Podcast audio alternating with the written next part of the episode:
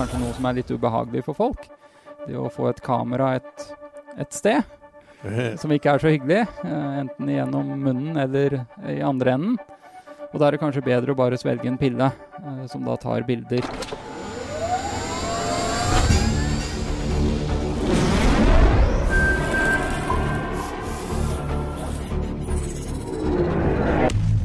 Velkommen til Teknisk sett, en podkast fra TU. Mitt navn er Jan Moberg, og jeg sitter her enda en gang med Odd-Rikard Valmot. God dag, Jan. Hei. Nå er det nok en gang en podkast fra NTNU Gjøvik. Det er det. Tredje. Ja. Ja. Og um, her tenkte jeg at uh, det, dette var overraskende for meg, det vi fant og vi skal snakke Ja, om nå. det var det. Uh, og det jeg bare må um, si, er at det første jeg tenkte på, det var jo eh, at eh, du investerte ganske mye kroner av lommepenger på sånn der uh, grafikkort og, og Du, Kvark? Ekspress og skjermer og Vi snakker hundre, hundretusener, altså fra 80-tallet og utover. Altså. Ja. Du var egentlig måtte- litt sånn grafiker, måtte- du. Ja, jeg var det en periode. Ingeniørgrafiker. jeg skrev bok om desktop publishing og holdt på. Ja. Syntes det var kjempemoro. ja. Øh, Hva kosta et sånt skjermkort den gangen, da?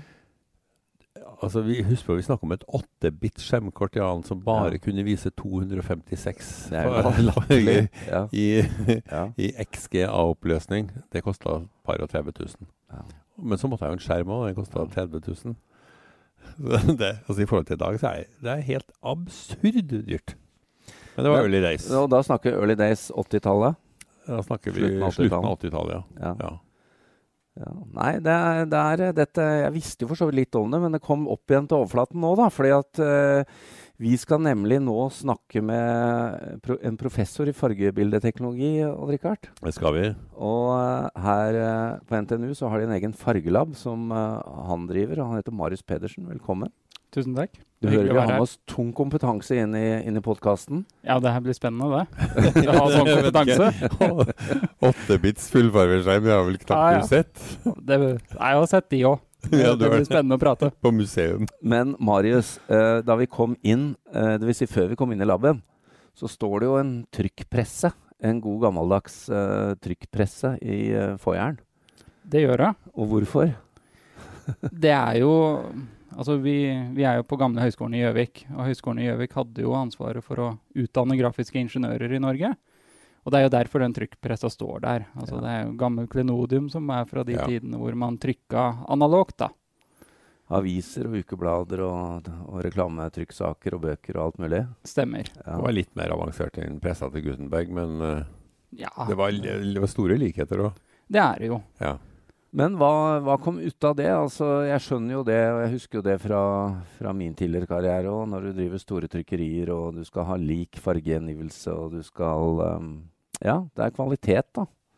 Det er det. Og det her er jo det Altså Fargelaben, eh, forskningsgruppa som er her på NTNU i Gjøvik, vi ble jo oppretta i 2001. Og som sagt så hadde man jo da ansvaret for å utdanne grafiske ingeniører, og det som var viktig, var jo å ha konsistent fargereproduksjon, at det du hadde på skjerm ble likt som det du fikk ut av trykkpressa di eller printeren Mm. eller hva det var. Og det her er jo noe man forska på, noe man jobba mye med, og at ting skulle se likt ut. Mm. Og der var jo mye av forskningen vår da i begynnelsen, fra 2001 og i de årene som kom etter det. Og da, da kan vi jo allerede nå avsløre at det er jo ganske mange mil, lysår, unna der nå. Altså det, det dere holder på med nå, er jo en helt annen del av skala, enden av skalaen.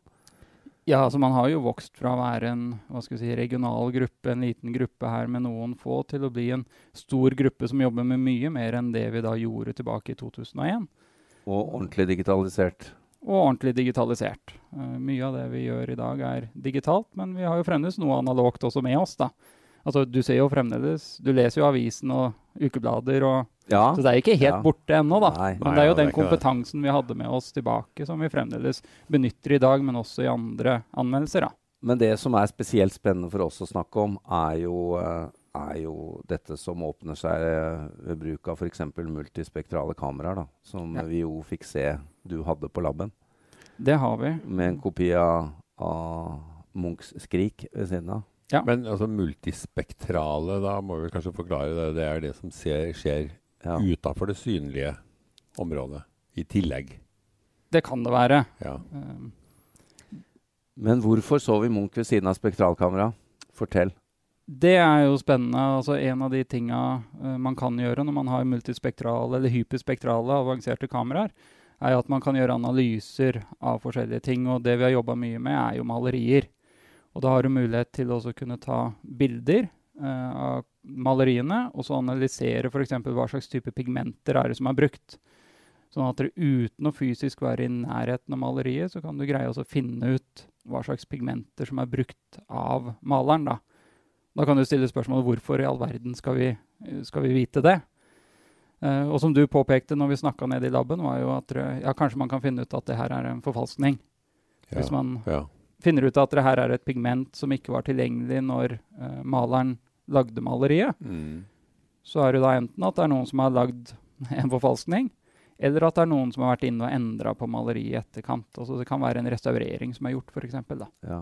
Hvilke, hvilke bølgelengder er det dere ser på når du ser sånn? Er det i det synlige, eller Det er jo både det som er synlig, eh, men også Ja. det som er utafor det synlige spekteret, det som vi da ikke greier å se. Og da går det mot det infrarøde, f.eks., eller mot det ultrafiolette. ja, og For å gjøre dette tidligere, så måtte du ta pigmentprøver, kanskje? Ja, Ødelegger hvis- du bildet da, eller? Hvis du ønska å gjøre en analyse av hva slags pigmenter som var i et maleri, så måtte du ta ut en del av maleriet og gjøre en kjemisk analyse. Og det du da tar ut av maleriet, det blir jo da ødelagt, selvfølgelig. ja. Men vi må jo også nevne akkurat når det gjelder Skrik, som dere faktisk har gjort en jobb med, er det Ja. Det har vi. Så fant dere også noe annet spennende? Ja, det, ja. det, det er jo litt spesielt, da.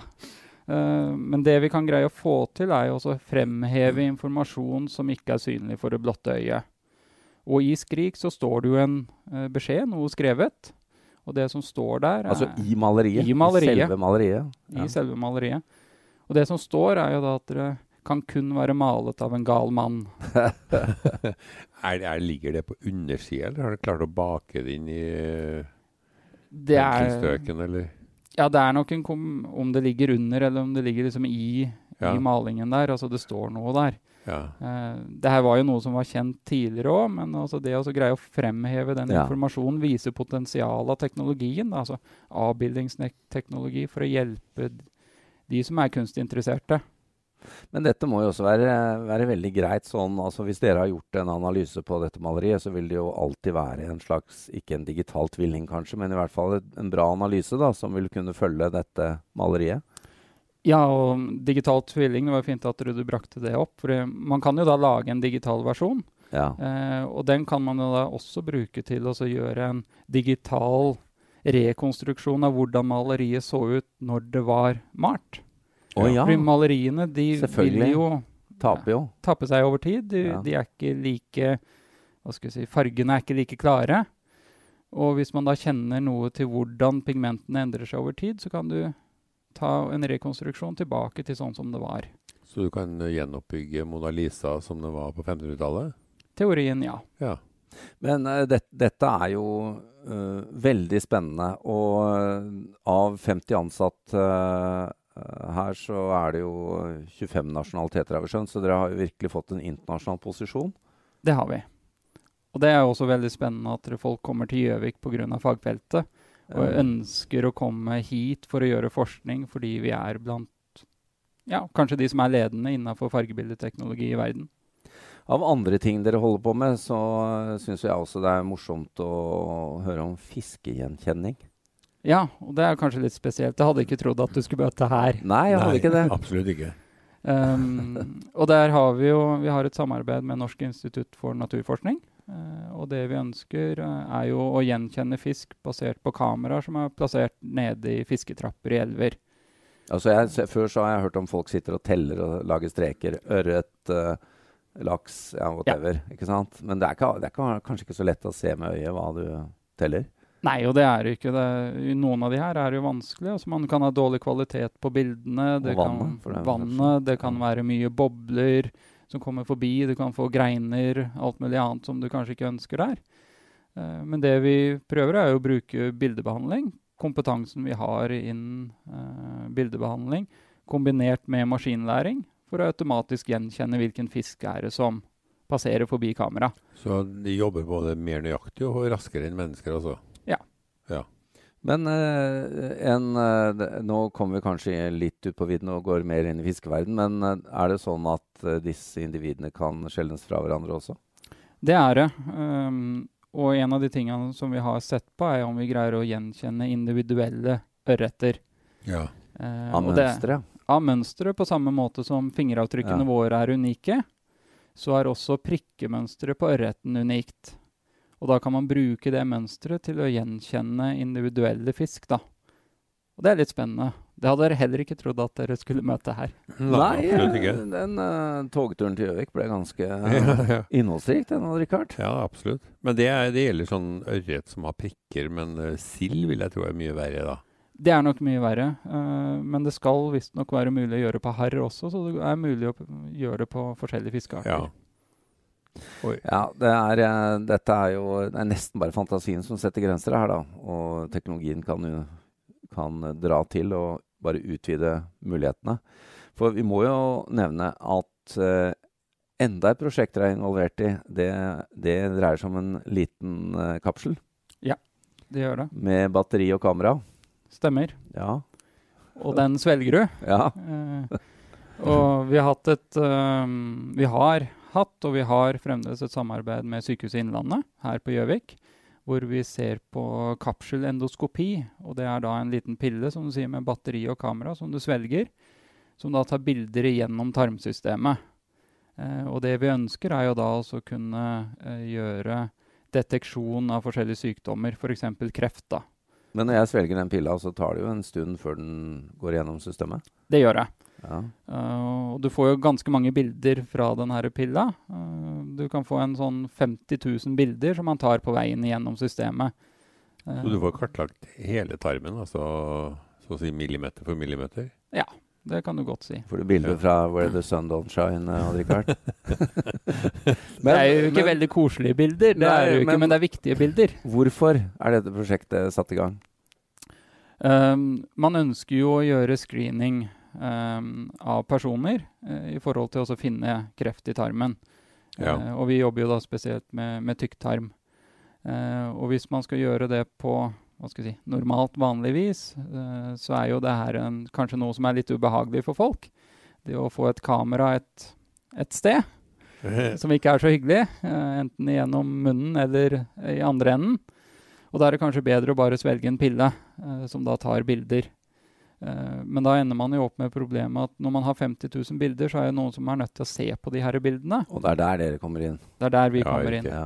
Så hvis vi i de her 50 000 bildene greier å plukke ut de delene som er relevante for en lege å se på, Mm. så vil vi kunne greie å korte ned tida som legen bruker per pasient veldig mye. Og da vil vi kunne greie også å gjøre screening av flere personer, og forhåpentligvis også gjøre det her mer treffsikkert. Hvor langt har dette prosjektet kommet? Vi har jobba i fire år allerede. Vi har kommet ganske langt. Og så har vi nå et nytt prosjekt som begynte nå i høst, som skal vare i fire år til. Er det, er det på en måte samme problematikk innenfor uh, røntgentolkning? Det kan man jo si. altså Ja. Man får store datamengder som man ønsker å gå igjennom, og man ønsker gjerne å kunne greie å si noe om hvor i bildet, eller hvilke bilder er man ser forskjellige sykdommer. Ja. Uh, og man ser jo det at det blir bare mer og mer data, mer og mer bildeinformasjon som brukes. Eh, og da er man også nødt til å kunne tolke det, og skjæringspunktet her mellom bildeteknologi og maskinlæring er jo veldig spennende. Og det er der vi kan bidra med veldig mye. Mm. Vi må stille deg på tampen her også, Marius, spørsmål, eh, vårt, vårt sedvanlige Odd Rikard, krystallkulespørsmål.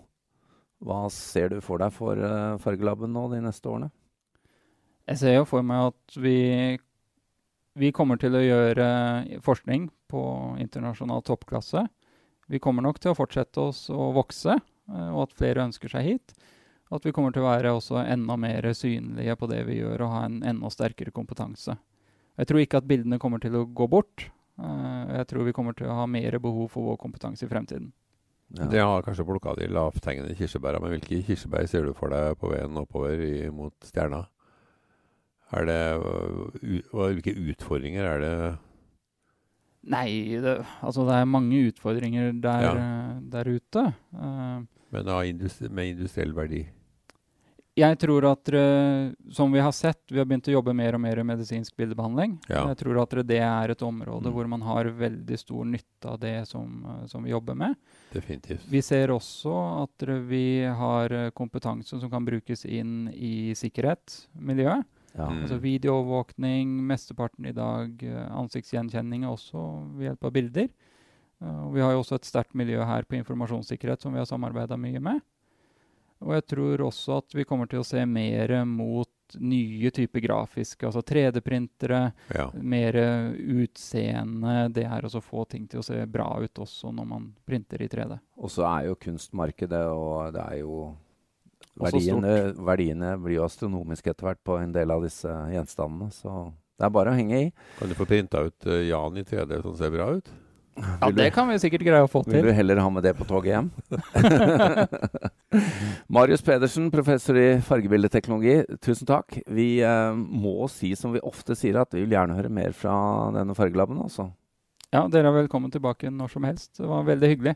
Takk. ha.